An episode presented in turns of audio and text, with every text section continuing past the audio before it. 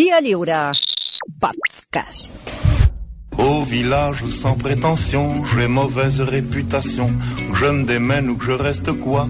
Je passe pour un je ne sais quoi. Qui. Je ne Pues mira, Espanya, però no Espanya com a, No Espanya, com, com a concept. compte el que dius, ja saps que llavors es treuen La talls i selecció coses, espanyola de i futbol. delicte d'odi i aquestes Clar, coses. perquè eh? com demà juguen a les 4 el pas, eh, passar-se al quarts de final contra Rússia, Sí. eh, hem pensat, dic, ostres, i si fem un execrable de la història de la selecció espanyola als mundials? Perquè ens hem donat compte que és una, un, una història dramàtica, sigui, i a més a més molt injusta, perquè Home, tens aquell, aquell llibre no, que vau escriure fantàstic de Cuando éramos los mejores y no ganábamos nunca. Clar, però és que això és el que està tornant a passar, no? O sigui, I mira que van guanyar el, el Mundial fa, fa 8 anys. Però, clar, és que Espanya, si tu mires, es mereixeria tenir més Mundials que Brasil, perquè sempre ha passat alguna cosa, alguna coseta, ridícula, petitona, bueno, bàsicament atracaments, eh, Ah, sí? els àrbitres han sempre han estat en contra, lesions, males decisions, qualsevol cosa. I a més a més és una història que està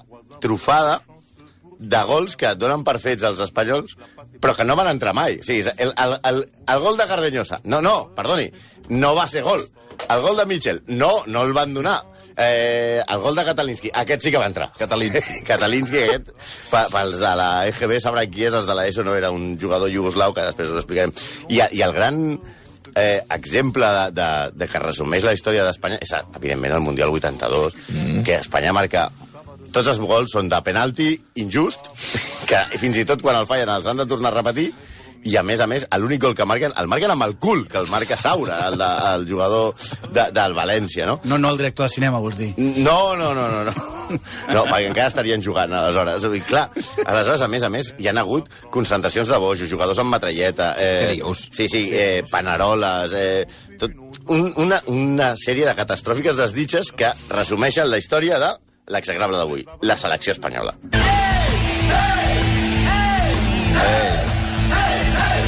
Ai. No, eh? Sí, home. Escolta, no, és això? Que estem parlant que de això, això Què està és gravat per la selecció espanyola. No recordes De de quin any és això? Això és d'anar... És Camacho, no, això? No, no, Luis Aragonès. És Luis Aragonès? Luis Aragonès Ah, és veritat amb el xandall saltant abans d'anar a la... És d'aquelles coses que és veritat que ha canviat per sempre... Eh, Anava a posar lo de Opa via hacer un corrà, que també la van utilitzar bastant, però sí? sí bueno, una producció de Telecinco, i este mundial lo vamos a ganar, Sí. i, però no, no, hem posat a la por ello. És, és fort perquè eh, és d'aquells càntics que ja mai, mai més... Mai eh, més significaran el mateix que significava. Significaran Sí, sí, sí. No, però estem parlant, estem parlant de futbol. Espanya, la selecció espanyola, sempre ha anat als Mundials disposada a guanyar. Bueno, això ho fan totes les Sí, no, però bueno, Espanya no. anava a guanyar-los De por veritat. de cojones. Ah, val. Comencem Creia. pels primers. Uruguai, 1930, Espanya no hi va anar. Però l'hagués importa? guanyat, eh? Això que important, quina importància té? Però, eh, bé, perquè era aqu- aquella copa rara del Jules Rimet, no Clar. devia ser, que, que no era copa ni res. Clar, la història de la selecció espanyola computa com una oportunitat perduda, eh? Perquè no ho dubtin. Espanya tenia equip per guanyar aquell Mundial perquè tenia quatre dels 10 millors jugadors de l'època i dos, probablement, dels millors del món a la seva demarcació, Zamora i Samitier. Oh. Un equip que a nivell internacional havia guanyat a Anglaterra, consider- considerada aleshores, sens dubte, com el millor equip del món per 4-3. Primera derrota dels anglesos al continent. Però què va passar? que, com altres països europeus, Espanya no va creure que la Copa del Món, això és vista, eh? Mm. eh no, no va creure que això tingués futur, i va decidir no anar. Ah, Aquest- no va anar-hi voluntàriament. No. no, això de la Copa del Món, qui s'ho creu, home? Ah, oh. A més, es feia a Uruguai, un país que sonava a selva, malalties, i això que l'estat d'Uruguai patrocinava l'invent per commemorar el centenari de la seva independència, que això tampoc li agradava als espanyols, això de commemorar la Per independència. això, jugava, per això l'estadi de Montevideo es diu Centenario. Sí, clar, però- perquè és el, és el, es commemora per fer el centenari de la independència d'Uruguai. Però Uruguai, o sigui, ho patrocinava en el sentit que pagava tot. sí. El transport, les dietes, Gratis tot. total. Ara ho pilla Rubiales i van tota la família. Home, clar, eh? imagina't, t'ho pagaven les dietes, et pagaven el viatge, t'ho pagaven tot, i Espanya no va anar a una cosa que era gratis. No, home, per favor. És molt poc espanyol, El primer eh? mundial que va a Espanya és el d'Itàlia 34, època de la República d'Espanya Sí. eh, i època de Mussolini a Itàlia. Sí, senyor. Eh, I aquí s'inaugura la sèrie històrica d'atracaments que han impedit que la selecció espanyola tingui com 14 mundials. Atracaments d'àrbitre. Home, clar, Ah, val, val, no d'altre. Bueno, És a veure, veritat. Igual els podrien atracar pel carrer. És veritat que eh, Mussolini va mangonejar bastant a, a, als àrbitres. Però és que les coses a l'any 34 eren molt, dif molt diferents de les que són ara. Mira, us posarem do, dos exemples. Tot era molt diferent. Tot era bastant diferent. Per exemple, el partit de preparació últim que juga la selecció espanyola abans d'anar a Itàlia Sí. és un Catalunya-Espanya. A l'any 34? Sí, o sigui, com a trien, com a posar-se per, per posar-se a to i per fer l'últim amistós, Catalunya contra Espanya. Imagineu-vos què passaria ara. No, no. No, no. L'últim partit abans del Mundial, eh? Sí, sí, clar. I, a més a més, els pares eh, dels jugadors manaven moltíssim, però no parlem de tipus pare Neymar ni res. Sí, eh, un dels jugadors de la selecció espanyola, Pedro Regueiro, germà de Luis Regueiro, que era una de les estrelles de l'equip, no va poder anar al Mundial perquè el seu pare no el va deixar. No el va deixar. Per perquè què? tenia exàmens. I Ja aleshores- seriós, ja seriós, Deia, eh? diu, ¿Qué, ¿Qué mundial, qué mundial, qué mundial, ni qué niño muerto? Tú a estudiar y a, y- y a ganarte la vida. Venga, que eres un vago, Y que vas a, a ir a Italia a jugar a la pelotita, hombre. I, però I el que, al cap. el que sí que no canvia és la organització de la Federació Espanyola de Futbol. Es podien incloure 22 jugadors. Sí, com I a- sempre, no? 22 No, ara són 23 Ah, perquè pots posar 3 porters. Abans eren 22. Un no va anar, perquè és el Regueiro, perquè li van Sí. dir que per exàmens no podia anar. Bueno, no va anar, però, però podia seleccionar-ne un altre. no, no, va, no va estar a temps. I l'altre és un jugador que es deia Torre Garay, perquè la selecció espanyola es va oblidar d'inscriure'l. I aleshores Espanya només va anar amb 20 jugadors. Ah, molt bé. Podien ser 22 i en vas triar 20. Sí, molt bé. bueno, va, no, perquè va haver-hi una errada. Primer, que un tenia exàmens i l'altre nos lo hemos dejado. I, pues, Espanya va caure eliminada a la repetició del partit contra la Itàlia de Mussolini. Home, a veure, clar, si jugaven contra Itàlia, Ah, allà, a que, veure... però que no estava, disposat, no estava disposat Mussolini, no Itàlia, disposat a perdre aquell Mundial. Alerta, que semblarà que parlem d'un combat de boxa, eh? El primer partit va ser tan violent que l'equip va titular la crònica del dia següent amb Viva la muerte. Què dius? A Sergio Ramos no li haguessin deixat jugar per estilista i delicat, eh? estem parlant d'una cosa molt bèstia. Zamora va acabar, va acabar amb dues costelles trencades Oh, i un ull sense visió per la sang que tenia. Acaba en empat i als tres dies es jugava el partit de desempat. Però què vols dir, que no hi havia penals? no hi havia penals i pròrroga. Aquí acabaven. I a Zamora li trenquen les costelles perquè, bàsicament, eh, ell agafa una pilota després d'una centrada Sí. i entra una... Zamora era el porter. Zamora era el porter, Sí, el, el, que mític, no- el divino. Sí, sí, el, el el millor porter, segurament, de la, de la història del, Del futbol. trofeu pel Zamora, sí. I agafa la pilota i li entra un italià amb el cap a les costelles i el fot dintre de la porteria i piten gol. Oh! I li trenca dos costelles. si això és l'Oliver i Benji. Sí, sí, no, Ah, ah, què és de, de, això? de Zidane. Rollerball.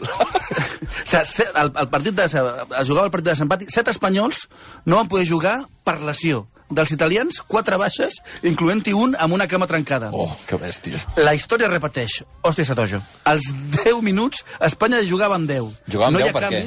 No hi ha canvis en aquella època. Ah, no hi ha canvis? Quan- segons vas lesionant, vas perdent jugadors. La història del gol del cojo. O sigui, el que li trencaven la cama el posaven en punta a veure si I a podia, si i era el famoso gol del cojo. Estava tot el partit a terra i... Clar. No, és que hi ha estones que Espanya juga amb 8 jugadors, mentre 3 estan a la banda sent guarits. Oh, què és això? Perden, però tornen a casa com herois i els condecora el Calafamora, eh? Oh, bé. Següent Mundial. Eh, França 38. Sí. Espanya, per un petit problema de guerra civil, no pot anar. Da, ja, ja, ja. Ja tenim clar, no? Però el següent Mundial que es juga ja després de la Segona Guerra Mundial és el de Brasil 50. Espanya deixa petjada. La grandiosa anècdota, que és una de les millors anècdotes de dels mundials, la protagonitza el valencià Puigades, que embarca a l'avió 25 paelles en llauna per endur-se per menjar. Perquè ell deia, i li havien fet al seu poble, perquè ell defensava que si no menjava paella cada dia tenia diarrea.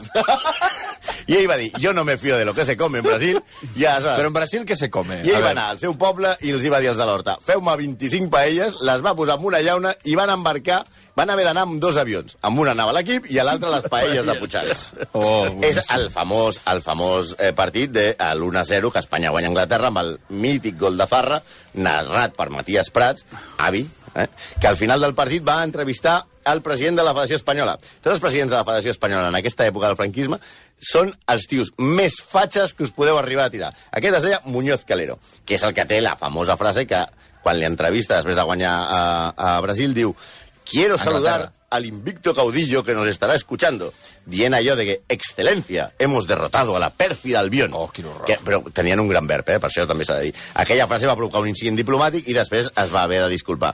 I després diuen que Piqué no és diplomàtic. Eh, eh, eh, I qui, sabem qui els elimina eh, l'any 50? Era una lligueta i res. Ah, no van arribar ja. I juguen contra Brasil, els hi fot 6.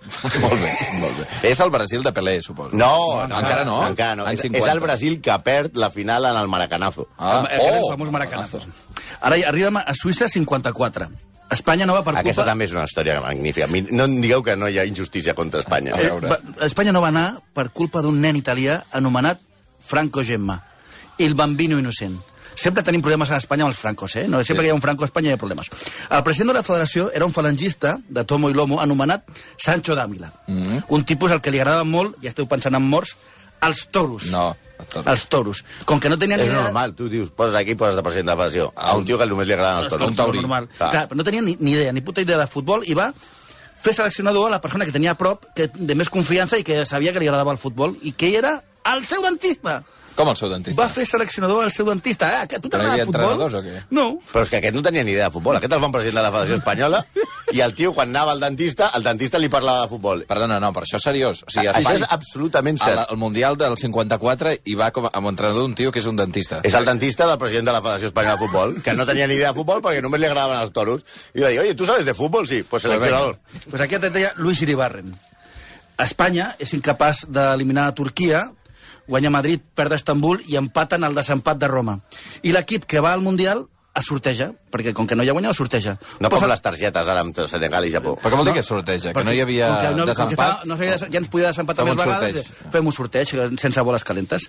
Posen dos paperetes a una copa amb el nom de cada país. Sancho Dávila posa una creu al nom d'Espanya per donar-li sort, no? Creu cristiana, eh? Una creu cristiana. I així no podem perdre contra... el- contra, com el guerrero l'antifaz. no? Clar, clar. o sea, lo- los infieles no nos I van a derrotar. I què treu aquestes paperetes? Pues, la mà innocent d'un bambino, Franco Gemma, que s'havia colat a la sala. El nen treu el paper de Turquia i va eliminar Espanya. Imagineu què hagués passat a l'època si, si hi ha Twitter. El nen, per cert, va anar a Suïssa amb la seva família convidat per la selecció turca. Oh! No volem saber què li va passar. És que, clar, això dels sortejos... Clar, Espanya deixa anar a Suïssa 54 per un sorteig. Però és que 4 A anys veure, però és després... veritat que és molt injust, eh? A l'any 54... O sigui, no pots resoldre una eliminatòria Pues- amb això, amb la 11. O sigui, Doncs amb, el, 4 amb la anys bolita. després torna a perdre el sorteig i no va al Mundial per sorteig. No, però, això no té cap No, no, ni el telecupón. A dir, sí, eh, Ai, i mira que estem parlant de- d'una Espanya que tenia un equipàs, eh? perquè el Madrid començava a dominar la Copa Europa, el Barça la Copa Llatina, una, Espanya tenia jugadors com Di Stefano, Kubala, Suárez, Gento, Ramallets, i Espanya és incapaç de classificar-se pel grup.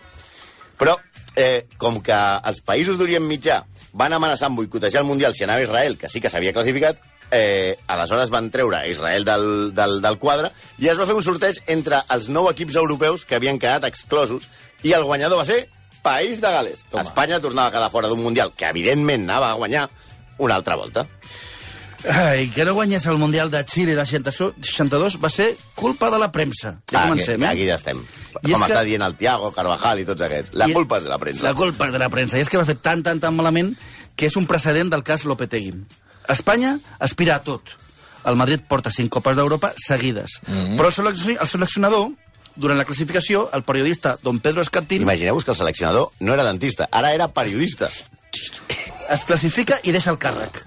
Deixa el càrrec. A tu t'han ofert, Santi, Sí. ser seleccionador? Però no has volgut, eh? Estem, bueno, estem en converses amb Hierro, a veure si...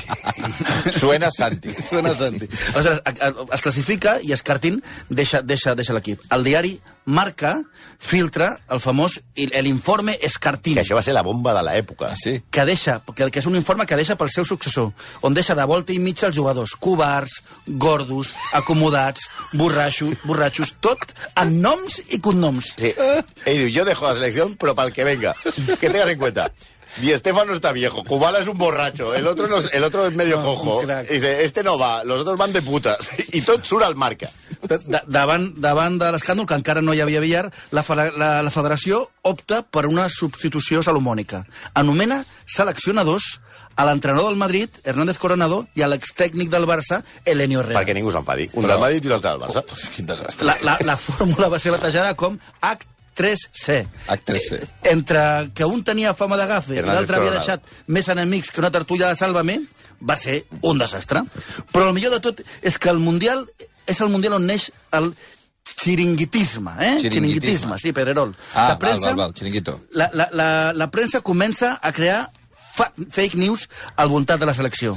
Que si Elenio Herrera no volia fer jugar a Di Stefano perquè li tenia mania, que si afavoria els jugadors del Barça, que si Amancio, Amancio acabat de pitxat pel Madrid del Depor, no va anar perquè Bernabéu, per és un senyor que manava més que Florentino, Bueno, no li va permetre per preparar-se de cara a temporada. O sigui, era un ambient clarament pre Pedrerol. I aleshores arriba al Mundial 66, el d'Anglaterra. I Espanya va al Mundial. Com arriba al Mundial 66? Favorita i disposat a guanyar. Home, com Home, totes. aquí hi havia una certa base, perquè venia de guanyar l'Eurocopa de 64. I el Madrid aquell any havia tornat a guanyar la Copa d'Europa amb un equip format per 11 espanyols. Home. La premsa de Madrid comença una campanya per dir que si el Madrid ha ganado la Copa d'Europa con Clar, 11 españoles, clar. la selecció espanyola ha de ser al Madrid. Madrid, I que els del Barça i l'Atlètic de Bilbao i l'Atlético de Madrid havien de ser els suplents. Ah, això mateix. Vale, però això ho van dir molt seriosament. I comença. El seleccionador, com no podia ser una vegada, era un perla. José Vilallonga, militar de carrera. Hombre. O sigui, tenim un dentista, un periodista i què faltava? Ara, un coronel de l'exèrcit.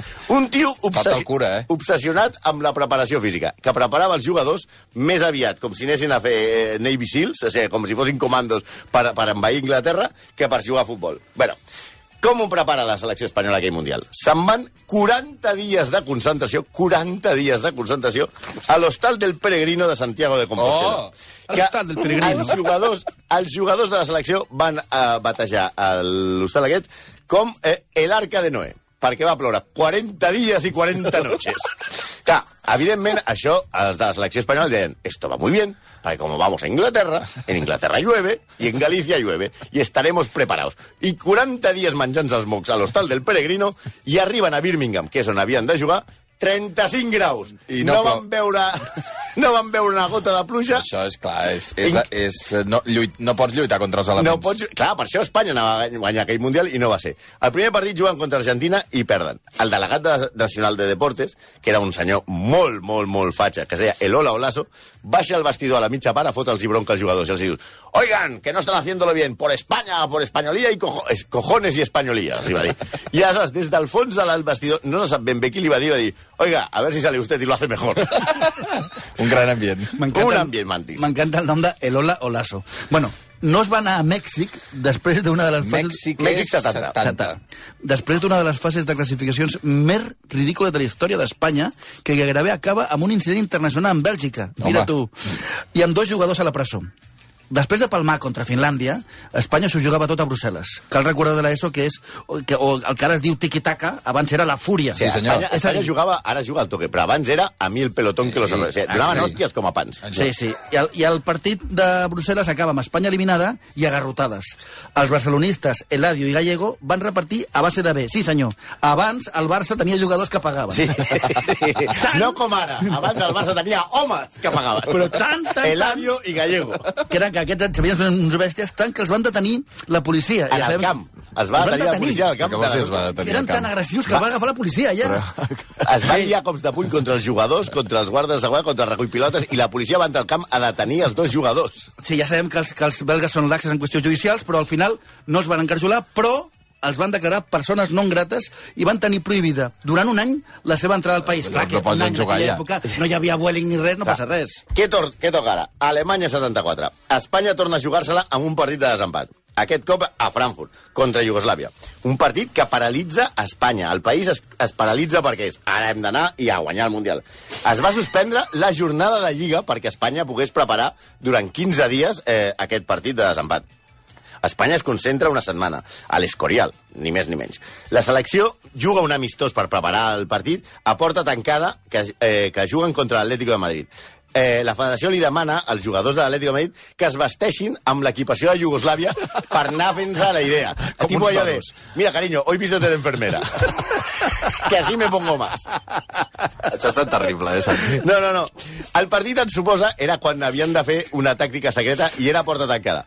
Es colen 20.000 persones. 20.000. 20.000 persones. La cosa, aleshores, viatgen a Alemanya i la cosa ja comença a veure que no va malament. Abans, a, a, la, a les prèvies dels partits, la concentració es basava en que els jugadors anaven a missa i després al cinema. Que, I Espanya què fa? Pues va a missa i després se'n va al cinema a veure Papillon. En alemany! Que ja diràs que collons havien d'entendre Reixac i tots aquests, allò de, de, de Iriba i tot allò, a veure Papillon en alemany. I en, el, en la sala de cinema, Àngel Mur, el pare del, del el Gelmur I, Sí. eh, eh, té un atac de cor a la sala de cinema. Hosti. Aleshores ja la cosa ja comença a anar molt malament i aleshores eh, Espanya ha de jugar eh, el partit amb el massatgista de la selecció alemanya de Prestau. Oh. Un tio que tampoc en tenia res. És allò que li deien... Clar, és que tots són una sèrie... No li han passat més desgràcies a cap equip que a Espanya en aquella època, no? A més a més, jugant a Frankfurt, on hi havia una gran eh, població espanyola de molts immigrants. Sí. Hi ha 17.000 espanyols. Home, però això és beneficiós. Bueno, doncs van i perden. Iríbar, Rallisca i Katalinski, el gran Katalinski, l'home que va amargar una generació de nens, marca eh, el famós gol de Katalinski. Enmig d'aquella depressió, Espanya no va al Mundial. Però hi ha una cosa bona, almenys pels del Barça. Quatre dies després es juga al Bernabéu un partit. El Barça guanya 0-5. Oh! Mira, doncs ja està. Gràcies, Catalinski. Espanya accedeix al Mundial d'Argentina 78, després de guanyar Iugoslàvia a la batalla de Belgrado. Sí, sembla una batalla de la Segona Guerra Mundial amb raó. Un altre partit a la història de selecció que acaba a hòsties. El partit en el que un jugoslau va fer punteria amb una ampolla de Coca-Cola al cap de Juanito. Després de que Pirri... No sé si recordeu les imatges de Juanito sortint i fent-lis amb el dit avall, estáis perdiendo, i un tio des de tercera graderia, que devia tenir un braç... Una ampolla. Una ampolla Coca-Cola, patapum! que eren de vidre, eh? Juanito. Que eren de vidre al moment. I Pirri ha quedat lesionat al 10 minut, al, al, als 10 minuts del partit. La trista història d'Espanya s'escriu a la Martona, la finca que la federació va llogar a Argentina com a quarter general sense tenir en compte que allà era ple hivern. Clar, això no ho van pensar. Això no ho van aquí és pensar. verano, Aquí- aquí és verano. verano en tot el mundo. Hosti, no portaven roba per, No. per d'hivern. Els jugadors havien No puc dormir amb el xandall posat.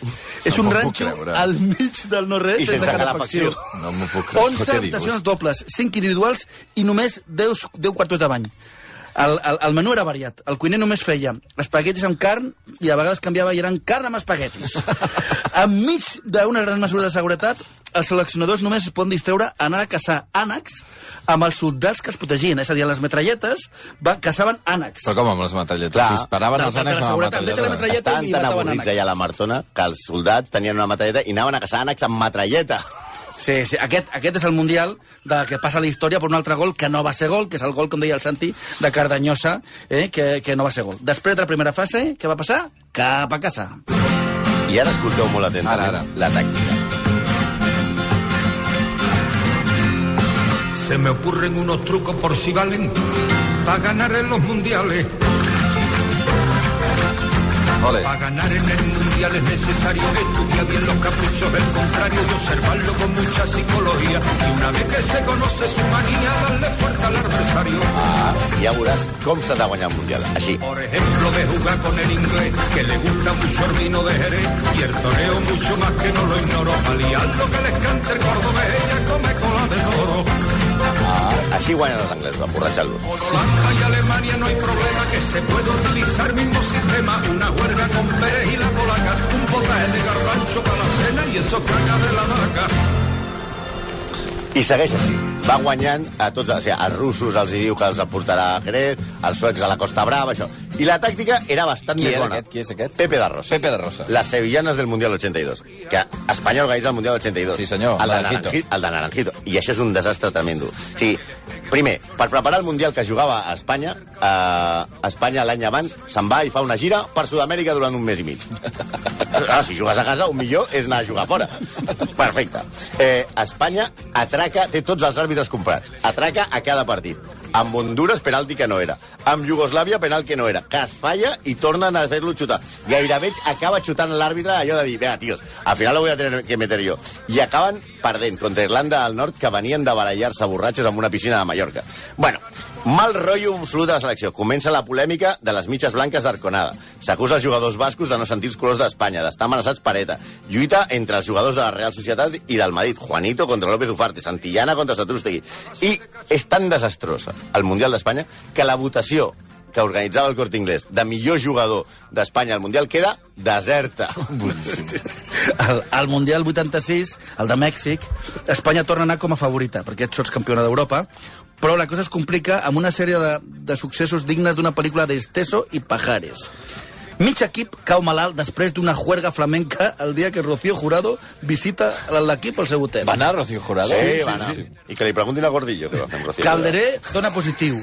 Carrasco enfadat perquè no juga i li té al cap un plat d'espaguetis al seleccionador. Poli Rincot, enfadat també perquè no juga, monta un número davant de la premsa dient que marxa la, de la concentració, però amb la maleta buida. Això és molt gran. El tio s'indigna i baixa a la recepció de l'hotel davant dels periodistes que jo me voy, que no juego, que me voy, me voy. I és molt gran, perquè això m'ho va explicar el Mitchell. El Mitchell li diu Poli, que no te crees, que no te vas. Que no me voy, que no me voy. I li diuen al gordillo, diu, coge la maleta i veràs que està vacía. O sigui, s'havia deixat tota la roba ja i estava muntada al número. Però això no és tot, perquè passen més coses. La selecció, la selecció dorm abans dels vuitens de final en un hotel amb una plaga de cucaratxes. Mm.